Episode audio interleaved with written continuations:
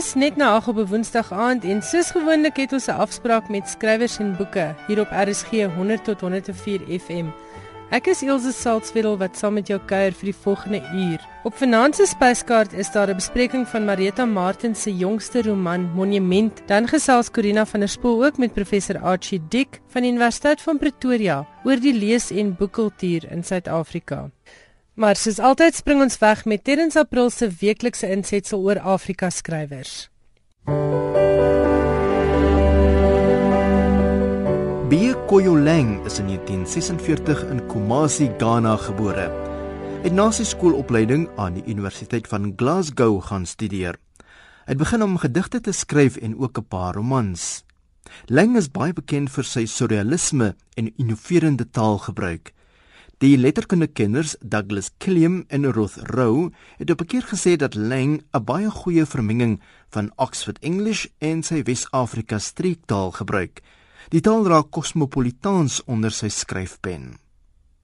Bie Koyolang se eerste roman verskyn in 1986. Die titel is Sweet Sweet Country. Daarna het Women of the Aeroplanes gevolg voordat hy sy eerste digbundel die lig laat sien het, God Horse van 1989. Hier is 'n uittreksel uit B. Koyolang se gedig I'm the freshly dead husband. I'm the freshly dead husband. I write my death to a fashionable wife. Dear Diddy with the new board guarantees. Diddy with the obsession to push hurriedly some shared memories into my crowded box crowded with the two parts of me that were still alive, brain and popilonque, still vibrant above the desolation of my other parts, above the rotting of my stylish wrists. I'm not properly dead. I could hear you chat prettily as I lay in state. And what a state involving an accident with a super tobolo girlfriend still alive, with a funeral cloth of the best style paid. From the breathless anticipation of my retiring benefits, boxes and benefits, hearts and betrayal, gain, how can you mourn me? Dit was 'n uittreksel uit B. Koyolang se gedig I'm the freshly dead husband. Die kort biografiese skets van een van ons Afrika skrywers is saamgestel met die hulp van A to Z of African Writers van Robin Malan en uitgegee deur Shooter.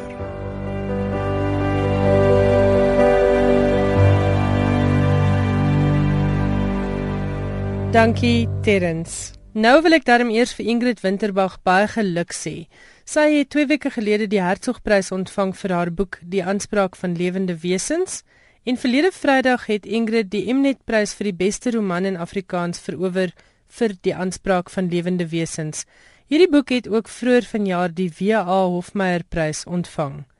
Die Mnet-prys vir die beste Engelse roman het gegaan aan Imran Kowadia vir sy boek The Institute for Taxi Poetry. Hierdie boek het ook vroeër vanjaar die Universiteit van Johannesburg se prys vir skepende skryfwerk gewen. Karen Breinhardt se Onse Vaders was die ander Afrikaanse boek wat weggestap het met 'n Mnet prys.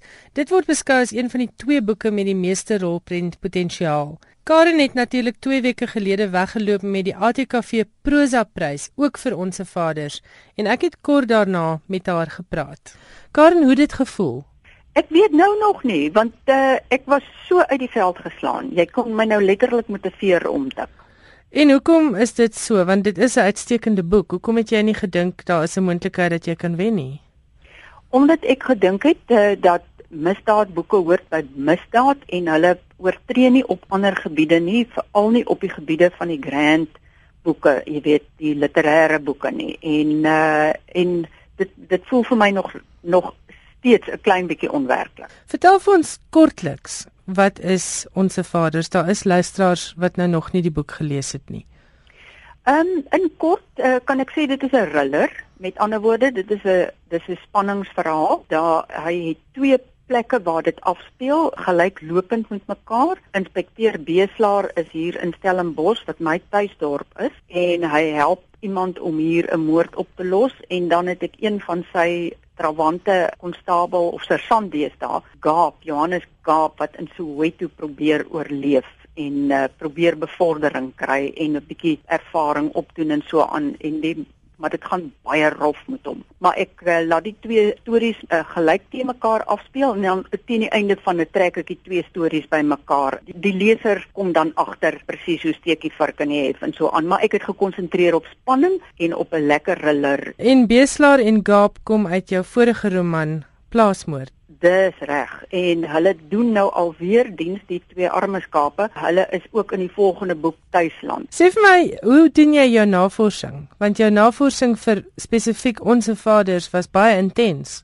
Ja, weet jy Ilse, omdat ek vir 30 jaar plus 'n joernalis is, hou ek daarvan om my feite baie goed agter mekaar te kry. Jy weet, daai eentjies moet almal in 'n ry sit en dan kan ek daarvan af kan ek gaan en iets ekstra daarvan maak. Ek dink dit is bloot 'n ding dat ek ook veilig voel in feite. Jy weet ek het vir 30 jaar lank het ek feite gejaag want dit is 'n mens se hoofdoel as 'n joernalis. Maar die ander kant daarvan is dis verskriklik lekker ook. Jy weet want dit dit is so amper 'n uh, sleutel wat jy kry om in wêrelde in te ploeter wat jy uh, normaalweg nie sou kon nie. Jy weet, jy kan jou nou indink, hierso sit ek nou, ek is 'n wit middeljarige, laat middeljarige antie en ek kry die geleentheid om saam met 'n klomp ouens in die middel van die nag in Soweto rond te charge en motorkapers opoor. Jy weet dit is mos nou dis mos nou net fantasties. Jy weet om in die middel van die nag in die middel van die stad rond te jaag teen 160 km/h en dis groot opwinding en vet pret. Jy weet so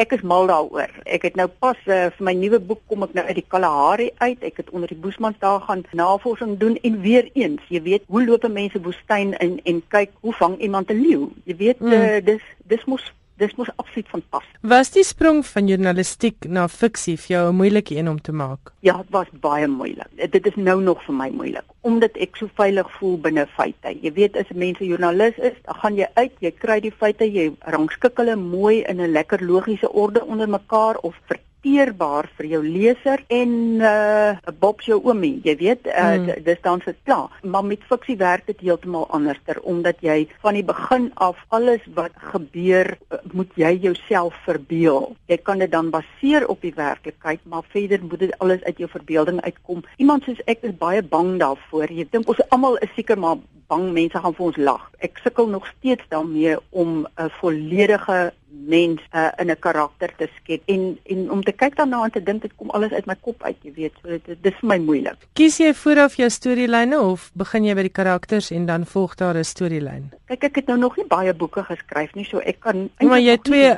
in jy twee uitstekende misdaadromans geskryf.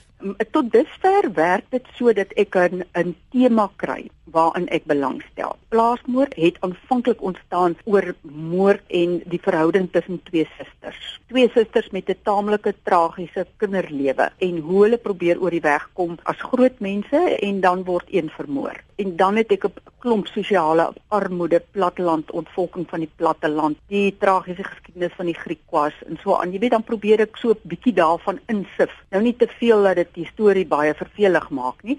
En met ons vaders het ek dieselfde gedoen en ek dink dis dieselfde soort van ding wat ek nou uh, ook met tuisland probeer. Uh, ons vaders wou ek gaan kyk na die hele kwessie van vaderskap in ons Suid-Afrikaanse nasie. Jy weet die breër gesin van ons land, die gesin van die reënboognasie. En die afwesigheid van vaders, né? Nee. Ja, jy weet in die afwesigheid van die vaders en hoekom is ons so ontredderd en so brutaal en is ons maak ons mekaar so maklik dood. En toe het ek gegaan kyk na wat is die stand van die vader in ons land. En dis waar die titel ook vandaan kom. Ehm um, ons vaders is ek reg word nou in Engels vertaal, né? Nee? Ja. En ja. dit gaan uitgegee word deur Penguin. Dis reg, ja. Waaroor ek eintlik met jou wil praat ook vanaand is die lekker storie wat in rapport my tyd was oor jou bywoning van 'n misdaadskrywersfees in Brittanje.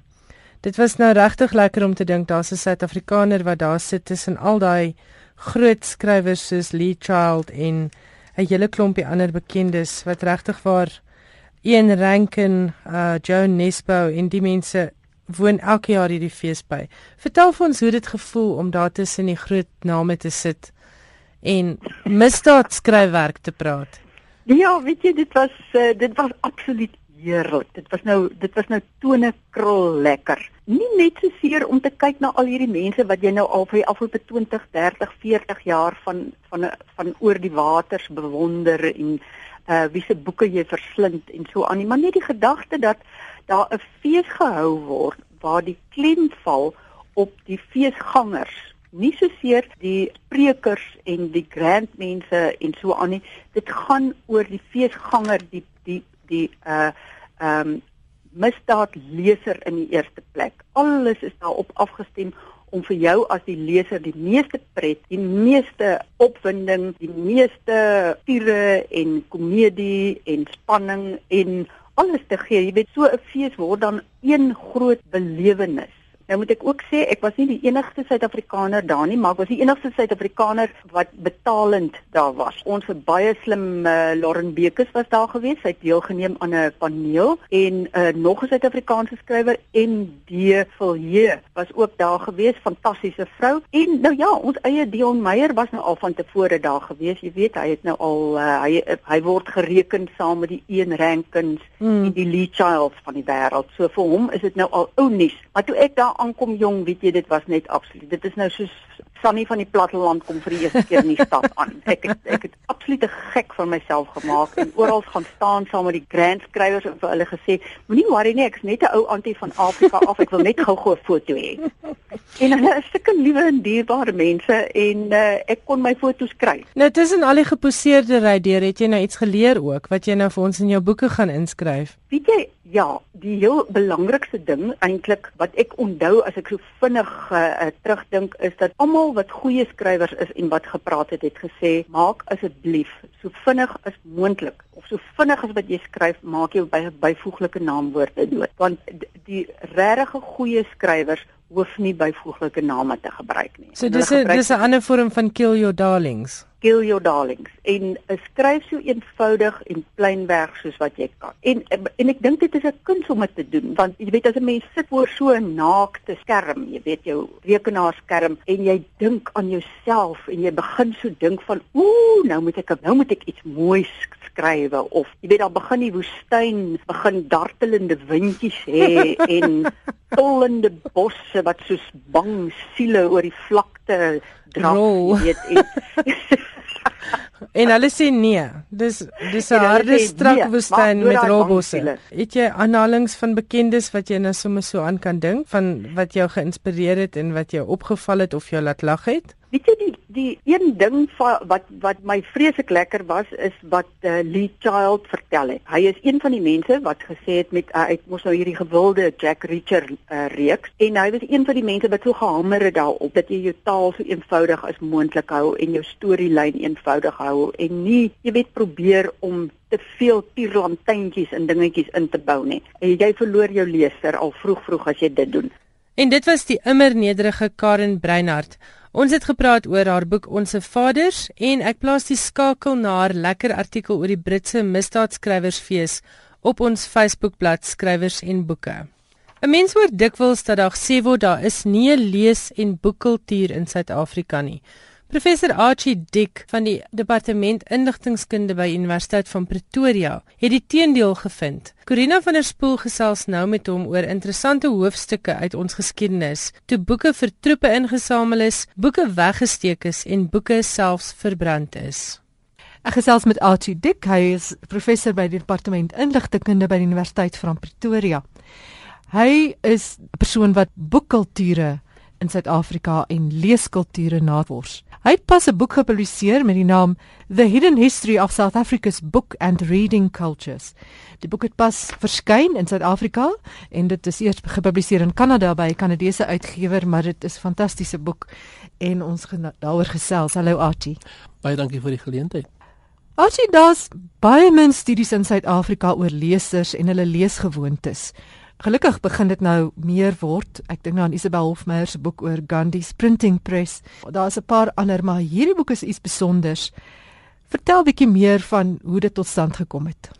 Ek was altyd 'n lid van van klein af uh, van die biblioteek, openbare biblioteek En toe word ek 'n bibliotekaris self. Ek het gewerk in openbare biblioteke in, in die Kaap en en gewerk met lesers. Toe was dit vir my nogal snaaks toe ek hoor veral uh, in die 90e jare uh, dat ons nie 'n leeskultuur het nie. Daar's nie so iets soos 'n leeskultuur in Suid-Afrika nie.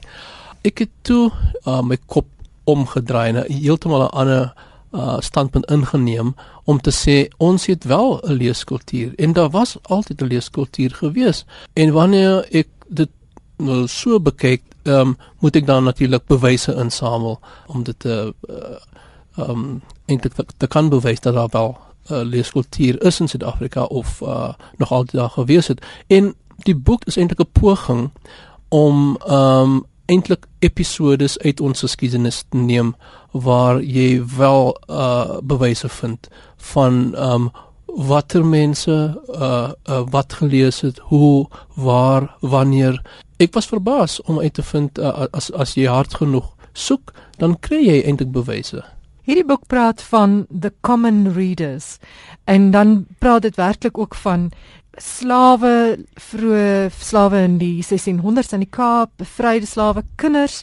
Maar wat my interesseer is dat die studie van sogenaamde gewone lesers word in hierdie boek eintlik vertel dit meer van die sosiale en politieke geskiedenis van ons land. Is dit so? Ja, dit is waar dit my amper 12 jaar geneem om hierdie uh bewyse in te samel uh deur rekords te bekyk. Uh ek het um argiewe toe gegaan en um ek het onderhoude ge, gevoer met met uh, afgetrede bibliotekarisse. Ek het ook België toe gereis het om uh, die argief daar na te slaan. So dit was 'n baie 'n lang moeilike taak eintlik om alles in te samel. En jy kry veral as jy kyk na gewone lesers, kry jy hierdie amper sê dots doetjies uh, bewyse en dan moet jy daai doetjies konnekteer uh, om die, om om die storie te kan te vertel om om die groot prentjie uh, te vertel te kan uh, wys uitwys. Ek het byvoorbeeld net terloops 'n uh, 'n slaafhistorikus ontmoet en uitgevind toe ons begin saamwerk dat daar wel 'n aantekening boekie van 'n slaaf was wat uh, opgeneem is in die Kaapse argief omtrent in die ek dink vroeg uh, in die 20ste eeu. Uh dit was eintlik al bespreek deur uh, akademikus Franken. Um maar dit was nie eintlik goed bestudeer nie in gedetailleerd uh uh gebestudeer nie en ek het eintlik hom getranskribeer. En nou, van watter era is hierdie slaafboekie? Wanneer het dit um, geskryf? Dis eintlik in die uh, vroeg 18de eeu want hierdie uh, sy naam is Jan Smissing, Johannes Smissing. Hy was in die slaafologie gebore. Sy ma was eintlik eh, 'n uh, onderwyser en hierdie boekie bevat voorbeelde van optel, aftrek. Daar is 'n gesang in sy boekie. Daar is inligting oor sy familie, uh, wanneer uh, sy broers en sy uh sissies gebore is en wanneer sy ma gesterf het. Daar's ook 'n lys van kan ek sê medical cures in in Tamil uh, geskryf. Uh, en jy kan sien hy het van hierdie hierdie goed gekopieer in sy boek deur iemand anders en die uh um voorbeelde van um uh, optel en en aftrek is ook wat hy gekopieer het uit boeke wat gesirkuleer het in die Kaap. So met ander woorde daar was 'n proses van uh, kopiering. Uh, boeke was nie maklik om te bekom nie en so boeke wat hulle gekry het, het hulle kopieë gemaak en en dan gesirkuleer uh, onder mekaar. En en en dit is hoe die leeskultuur ontwikkel het, uh, byvoorbeeld onder slawe in die slawologie. Ek sien hier in 'n boek is 'n foto van die notaboek van Johannes Smithing wat dateer van ek lyk vir my hy was 17 jaar oud in 1714. Ja. Toe hy vir die eerste keer opgetel word in 'n sensus wat die VOC gedoen het. Is hierdie boek geskryf in 'n soort Nederlands? Ja, dis Nederlands. Ja, en en wat interessant is is uh, as jy kyk na die styl uh, uh, van sy skryf is uh, dit is is dit amper asof hy nie uh, oor homself gedink het as 'n slaaf nie hy beskryf homself daar as um, Jan Smissing uh, skryf en leesmeester in diens van die uh, um, uh, VOC. VOC. So uh, um hy identifiseer hom nie as 'n slaaf nie. So uh, sy selfidentiteit is deur sy eie skryf en die werk wat hy gedoen het um heeltemal iets anders. En en en dit is uh, um uh, vir my nogal uh, iets uh, eienaardig oor uh, uh, hoe mense wat begin leer het om te leer lees en skryf en 'n bietjie beter gevoel oor hulle self uh, uh, selfidentiteit. Uiteindelik ook toe hulle vrygelaat is dan hulle eie besigheid begin het het al hierdie vertroue in hulle self en en 'n bietjie beter uh, beeld van hulle self en baie suksesvol geword het wys net eintlik hoe bemagtigend dit is om te kan lees en om daardeur 'n groter wêreld te kan sien. Absoluut. En en sy eie vaardighede oor te dra aan aan aan ander kinders in die slavologie of met sy familie. Hy het gesien families se bloei en en sterker geword en en en so 'n gemeenskap gebou uh, om om lees en skryf. Jy skryf in die boek ehm um, dat hy dood gegaan het of hy het gesterf in 1734 op 37 jaar oud, maar as 'n free black. Absoluut. Bevryde ja. slaaf. Sy uh, ongelukkig was dit net sy laaste paar jare want wat wat hy eintlik 'n free black was. Hmm, ja. Hom wel jonk dood. Ja. Hm. Nou ja, jy het self vroeër verwys na jou reis na België op die spore van uh materiaal wat jy gevind het. Herman de Vleesgouer was bibliotekaris van die Pretoria Universiteit Biblioteek, is dit reg? Hy was aangestel by uh Universiteit van Pretoria as bibliotekaris. Um En watter tydperk is hierdie? Dit is nou uh laat 50e jare, vroeg 60e jare. Maar hy was nooit eintlik uh opgelei as bibliotekaris nie. Hy het gevlug um van België en uh vir 'n paar jaar in Switserland gebly. Dis nou na die Tweede Wêreldoorlog. Dis reg, ja. Was hy 'n nazi-simpatiseerder? Hy was, ja. Hy was die hoe kan ek sê amper soos 'n minister van uh, hoër opvoeding mm -hmm. uh, onder die nasies. Ja, so in hy was België. Uh, ja, baie hoog in die uh, administrasie. En dan eindig hy op in Pretoria in ja. Sunnyside waar hy 'n huis gehad het wat ja. Dolf van Niekerk het my vertel, die digter, ja. dat dat hy as hy dat hy hom gaan besoek het en dat die vleesgouer vir elke projek waarna hy skryf, want hy het 'n groot uh, magnum opus geskryf oor Kant, dit ja, reg? Dis reg. Of vir elke skryfprojek het hy verskillende studeerkamers met boekerye gehad en dan gaan sit hy by daai kamer en skryf met daai verwysingsargief.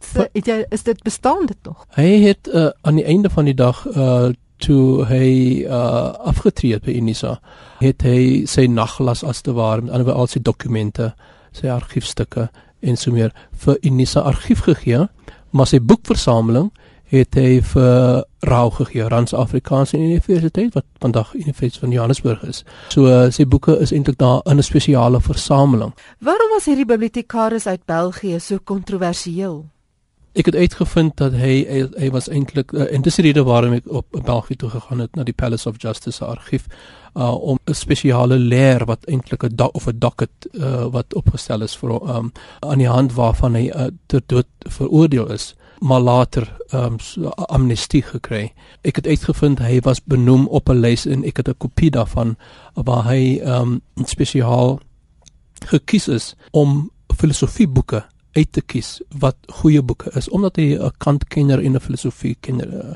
uh, deskundige is vir die hierdie groep hulle die die afkorting is ERA dis natuurlik 'n Duitse uh, naam maar dit gaan oor uh, um, hierdie groep wat kuns ge, geloot het in in in in in boeke uh, as ook.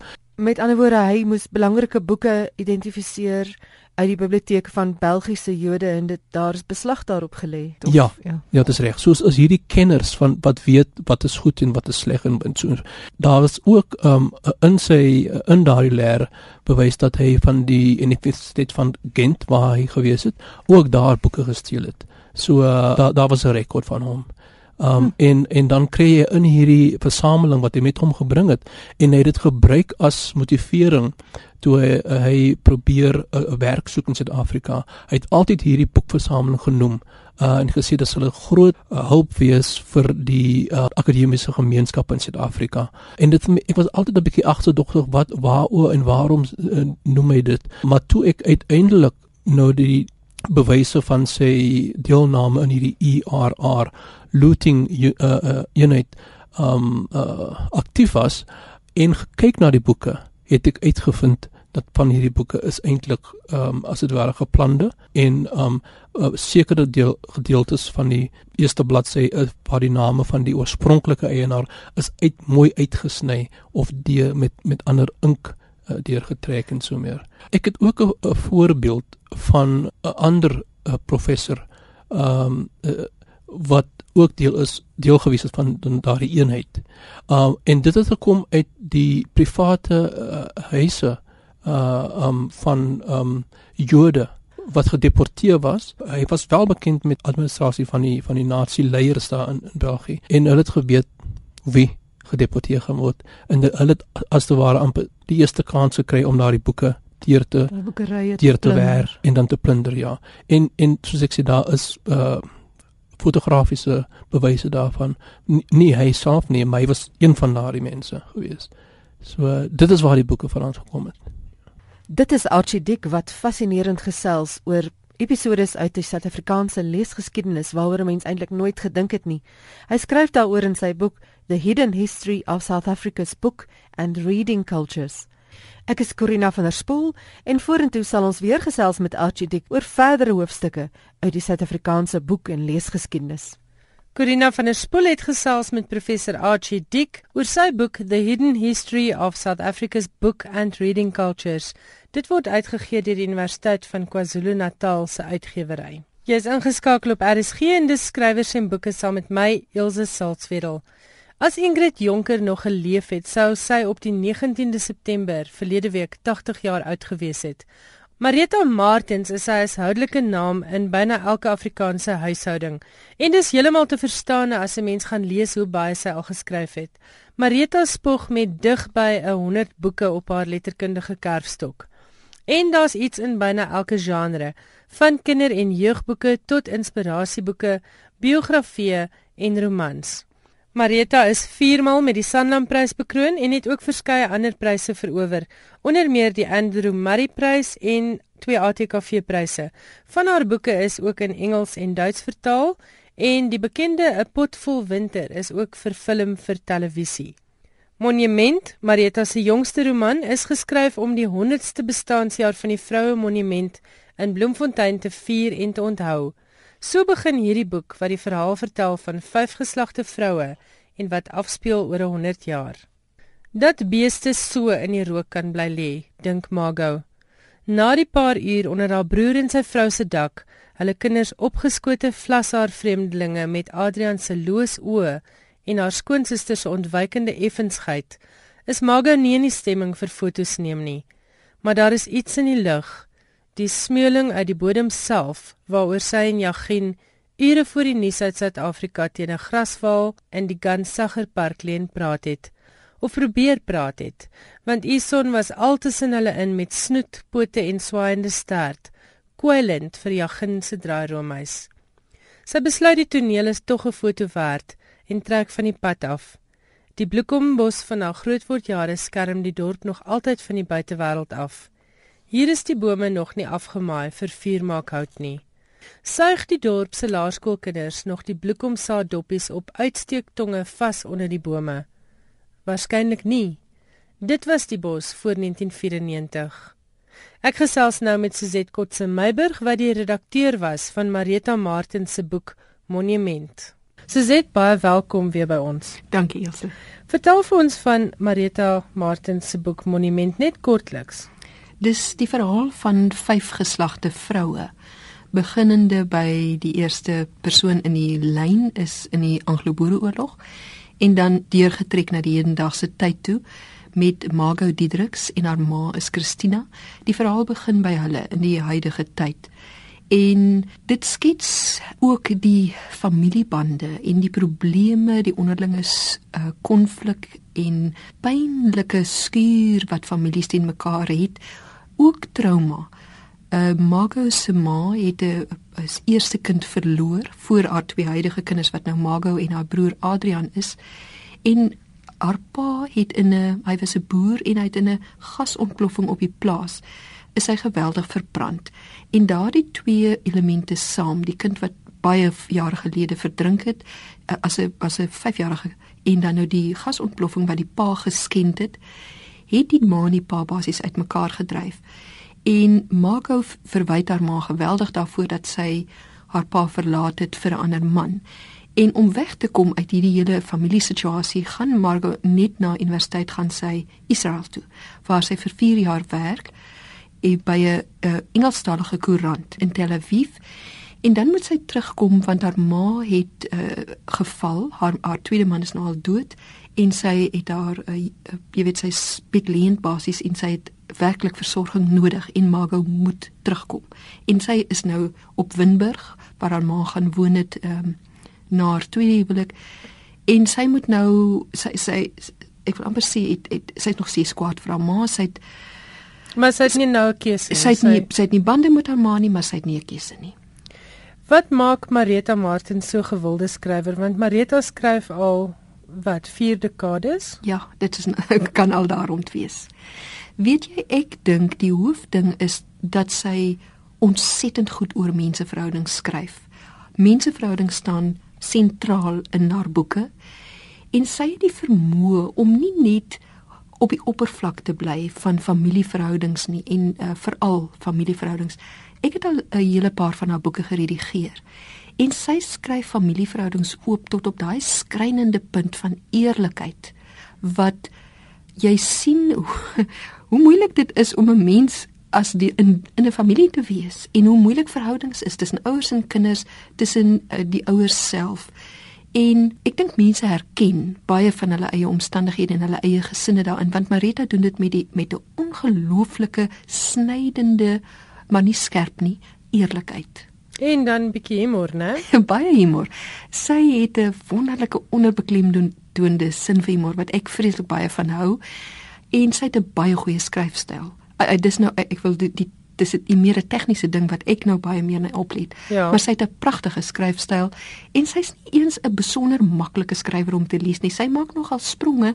Jy moet jou kop gebruik om by te bly en ehm um, haar verhale beweeg. Sy het ook 'n manier om goed te kan rondspeel met 'n uh, tyd. Sy wissel dit af en dan sy is ook bekend daarvoor dat sy gewoonlik regtig 'n klomp aktuelle temas bymekaar trek in haar boeke.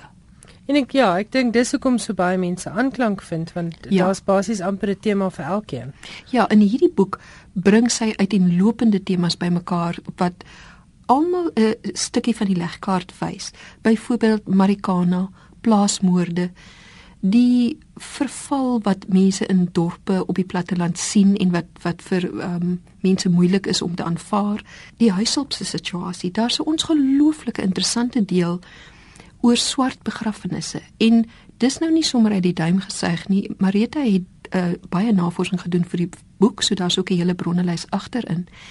En hierdie inligting het sy gekry uit 'n PhD 'n voorstudie wat by die Universiteit van Zululand ingehandig is. En dit gaan oor begrafnisgebruike, hoe dit uh, ontwikkel het en hoe dit vandag onder swart mense plaasvind. Een daarvan is dat die jong mense nou vra vir 'n afterparty van 'n begrafnis as ware. Hulle noem dit die aftertears of in Afrikaans wie sien jou. Dis eintlik skrikwekkend want dit is 'n hedonistiese ding. As die ge geween en gehuil by die graf nou verby is, dan, dan gaan dit oor ons. Dan gaan party en en ja. drink jy en die mm. ergste is is hierdie jong mense, jy weet die persoon wat dood is hier in Marikana, 'n jong man, hy was op Facebook, hy het honderde vriende. En dan moet hierdie wie sien jou en hierdie afterparty moet sy sy mense, sy ma wat enkel ouer is, hulle moet betaal hiervoor. En as daar gedrink word by hierdie partytjie en die ma en die drank raak op, dan plaas hulle dit net op die rekening en agterna kan jy nou dink, oh. sit hierdie vrou met 'n ongelooflike rekening. Saam met al die smart. Saam met al die hmm. smart en dan word die die eh, vergelyking getref wat hierdie swart vrou vertel. Haar mense was ook in die konsentrasiekampe met die Boereoorlog en hoe hulle vanuit daai tyd uit uh, hulle begrafnistradisies van hoe jy in daai uh, rou tydperk van 'n week voordat die uh, liggaam begrawe word, hoe dat dit jou wat onsuiwer gemaak word deur die dood word jy dan weer gesuiwer deur die rouproses. En daardie ou gebruike en tradisies is besig om uit te sterf en dit is baie pynlik vir die ouer mense. Ek kan glo. Met ander woorde wat jy sê is Marita is nog steeds baie aktueel. Sy is baie aktueel en sy doen hier 'n moeilike ding. 'n Skrywer wat 'n historiese roman wil skryf, is om mee te begin, jy weet, op die agtervoet, want dit is ongelukkig so dat mense die meeste gewone lesers, die, jy weet jou deursnee leser, sê ek sel regtig nie in historiese um, romans belang nie. Ek kan nie sien wat die doel van geskiedenis in hedendaagse lewe is nie. Ek ben ons op die internet en 'n skrywer wat 'n historiese roman wil aanpak, moet dan 'n manier vind om die huidige leser in te lok as ware. Marita doen dit baie slim. Sy begin 'n verhaal in die hede en dan vat sy hom uh, geleidelik soos hierdie jong meisie Margot wat haar haar haarself weer probeer vind terug in Suid-Afrika wat haar identiteit probeer terugvind en wat wil teruggaan Israel toe want daar het sy 'n man ontmoet wat sy absoluut verlief op is en hier word sy gekonfronteer met haar wye en droewe land hmm. wat sy vasgevang is sy raak betrokke in hierdie klomp menseverhoudings absoluut teen haar wil en wat nou moet sy moet sy hier bly dan moet sy haarself nou herkalibreer as ware in die nuwe Suid-Afrika want sy was 4 jaar weg en dinge het geweldig verander. En dan ontdek sy ou dagboeke wat haar ouma geskryf het wat die storie van haar grootouma opgeteken het dan uit die Boereoorlog uit. En uh, op daardie manier neem Marita jou terug na die Boereoorlog en die menslike kant daarvan. Die absolute gewone mense hoe hulle dit beleef het in ja. stryd op op oorlewing. En dit is baie boeiend. En en voor jy ook kom kry, geniet jy die geskiedenis. Presies. En vind jy allerlei aanknopingspunte uit die geskiedenis na die hedendaagse tyd en hopelik besef 'n leser dan maar die geskiedenis is hoegenaamd nie irre irrelevant vir vandag nie inteendeel. En haar navorsing, jy het nou reeds verwys na die begrafnisrituele. Haar navorsing is baie deeglik. Sy doen dit sy doen dit altyd deeglik en omdat sy graag dink ek temas wil bybring wat selfs vir haarself nie so bekend is nie of wat sy deur die boek dan ontwikkel, sorg sy dat sy haar feite kontroleer en vir Marita Mardes lesers is hier nou eintlik 'n bonus in hierdie boek want daar by elke hoofstuk kop is daar 'n foto wat die meeste daarvan het Marita self geneem. Sy's eintlik 'n baie goeie amateurfotograaf. Vertel vir ons gou-gou van die broodkorsies. Daai was vir my baie interessant. Dis nou een van die goed wat my werk die lekkerste maak is dat jy gedurig nuwe goed leer. Een van hierdie mense in hierdie familielyn, sy ma is dood met sy geboorte en hy was 'n baba van 9 maande. Hulle was in die Winburg konsentrasiekamp. En die kind is op Nel na gered soos my ouma nou sou sê. 'n mooi woord. En die, en die manier hoe hulle dit gedoen het is 'n ou Joodse dokter wat vir hulle gesê het: "Luister, ek het nie meer raad nie, maar al wat julle nou met hierdie kind kan doen is gee vir hom gebrande broodkorsies." Gebrande brood. Gebrande, mm -hmm. dis die belangrike ding, gebrande broodkorsies. Nou lees jy dit en jy dink, "Jene, wie, dit was seker nog maar net een van daai snaakse ou boererate." Dan besef jy as jy vandag in 'n apteek instap, kan jy 'n produk koop wat genoem word activated charcoal. En ja. dit is eenvoudig houtskool. Wat en as jy op die bot, botteltjie lees dan sien jy dit is bewese dat dit toksine uit die ehm um, jy weet ingewande ja. uit die uit die uit die ehm um, jy weet die die digestive tract. Want jy gee dit absorbeer. ook vir 'n hond wat vergiftig is byvoorbeeld. Dit het ek nou nie geweet nie, maar toe besef ek my liewe land, dit is hoekom die kind met gebrande broodkorsies uh, hoekom hy dit moes inneem en natuurlik 'n baba is klein, so dit kon jy weet hulle raak mos baie hy kon eet. Hy, mm. Hulle raak mos baie vinnig siek en baie vinnig weer gesond want dit is 'n kleiner stelsel waaruit dan daardie gewe en en ontsteking moes onttrek word. Dit is regtig interessant. Dan is daar ook 'n verwysing na Halley se komeet van 1901. Ja, Weereens die manier hoe Marita 'n wyeer wêreld vir haar leser bybring en ek dink dis nog 'n rede waarom lesers haar graag lees. Haar stories is nie net, jy weet, ouetjie ontmoet meisie in lesoen aan die einde nie. Daar's trou, ja, trou. trou.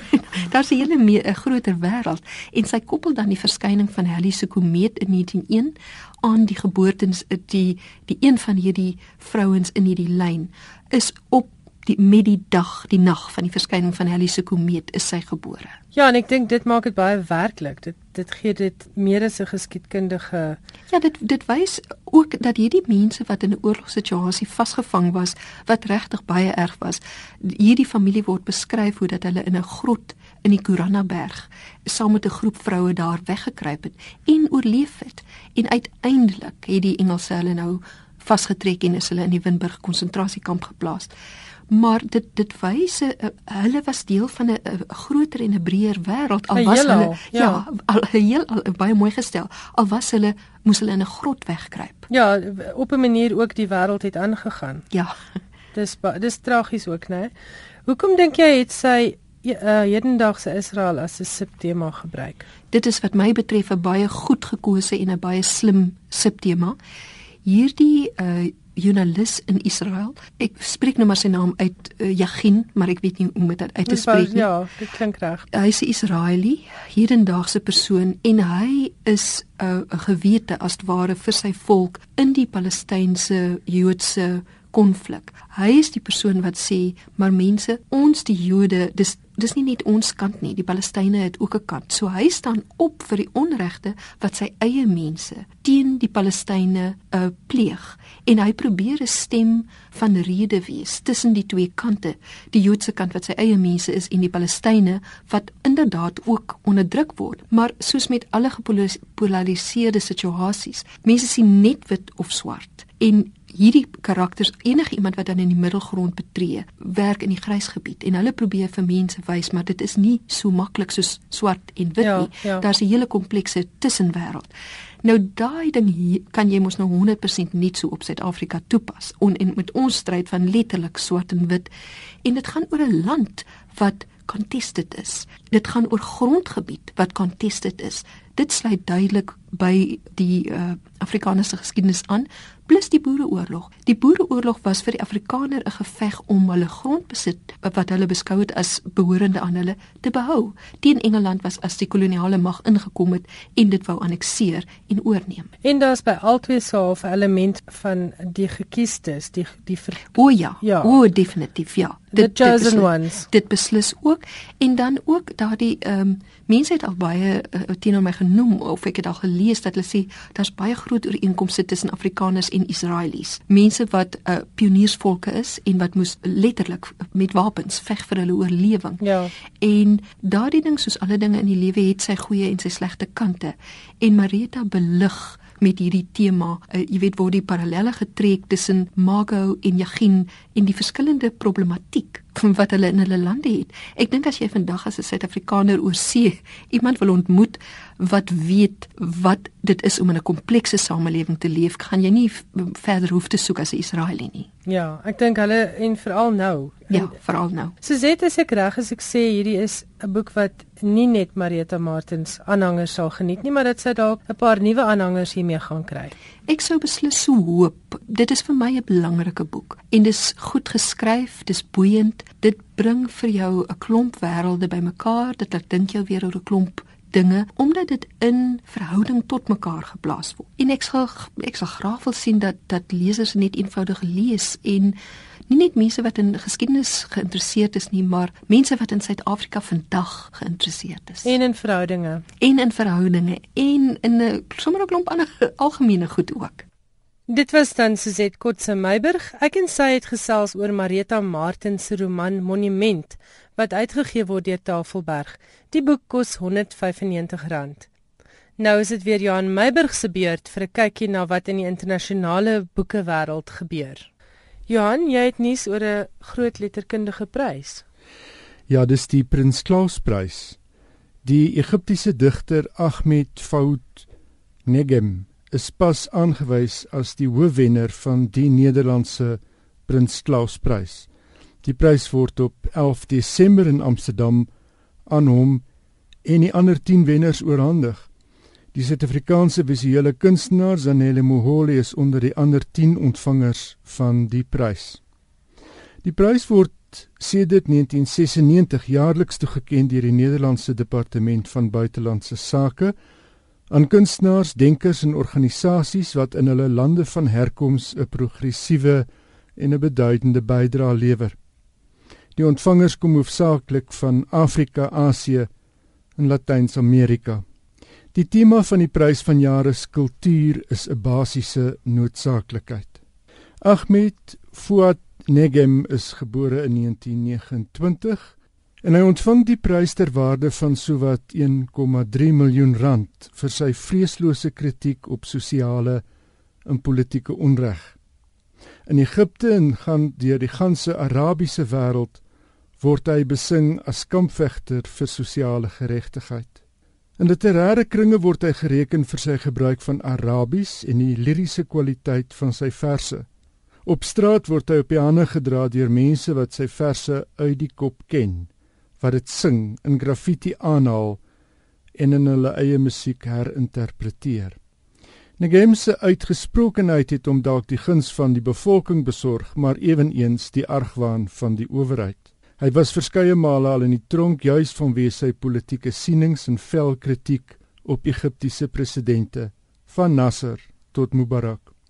Die formele motivering vir die Prins Klaus Prys aan Negem lui Ahmed Fuad Negem word vereer vir sy ware poësie waarmee hy innig met mense in gesprek tree vir sy onafhanklikheid, sy onwrikbare integriteit, sy moed en verbeete stryd vir reg en vryheid, vir sy weiering om stil te bly en vir sy inspirasie vir drie generasies in die Arabies sprekende wêreld.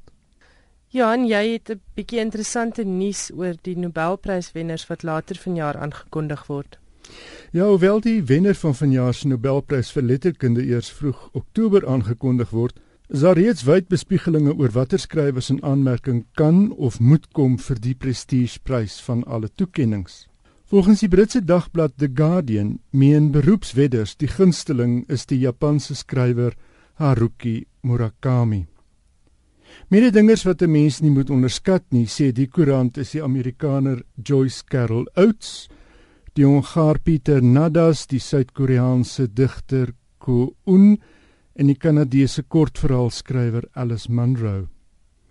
Die sesde skrywer op die lys is die Syriese digter Adonis. Murakami was verlede jaar ook 'n gunsteling om die prys van sowat 12,1 miljoen rand te wen. Maar Mo Yan het egter geskiedenis gemaak deur die eerste Chinese skrywer te word om die prys verlede jaar te wen. Die oorhandiging van die prys is vroeg Desember. Terwyl almal gis net 'n vinnige paar wetenskapwaardighede oor die Nobelprys vir letterkunde. Dis ingestel in 1901 deur Alfred Nobel. 'n Mens kan jouself nie benoem nie. Jy moet voorgestel word.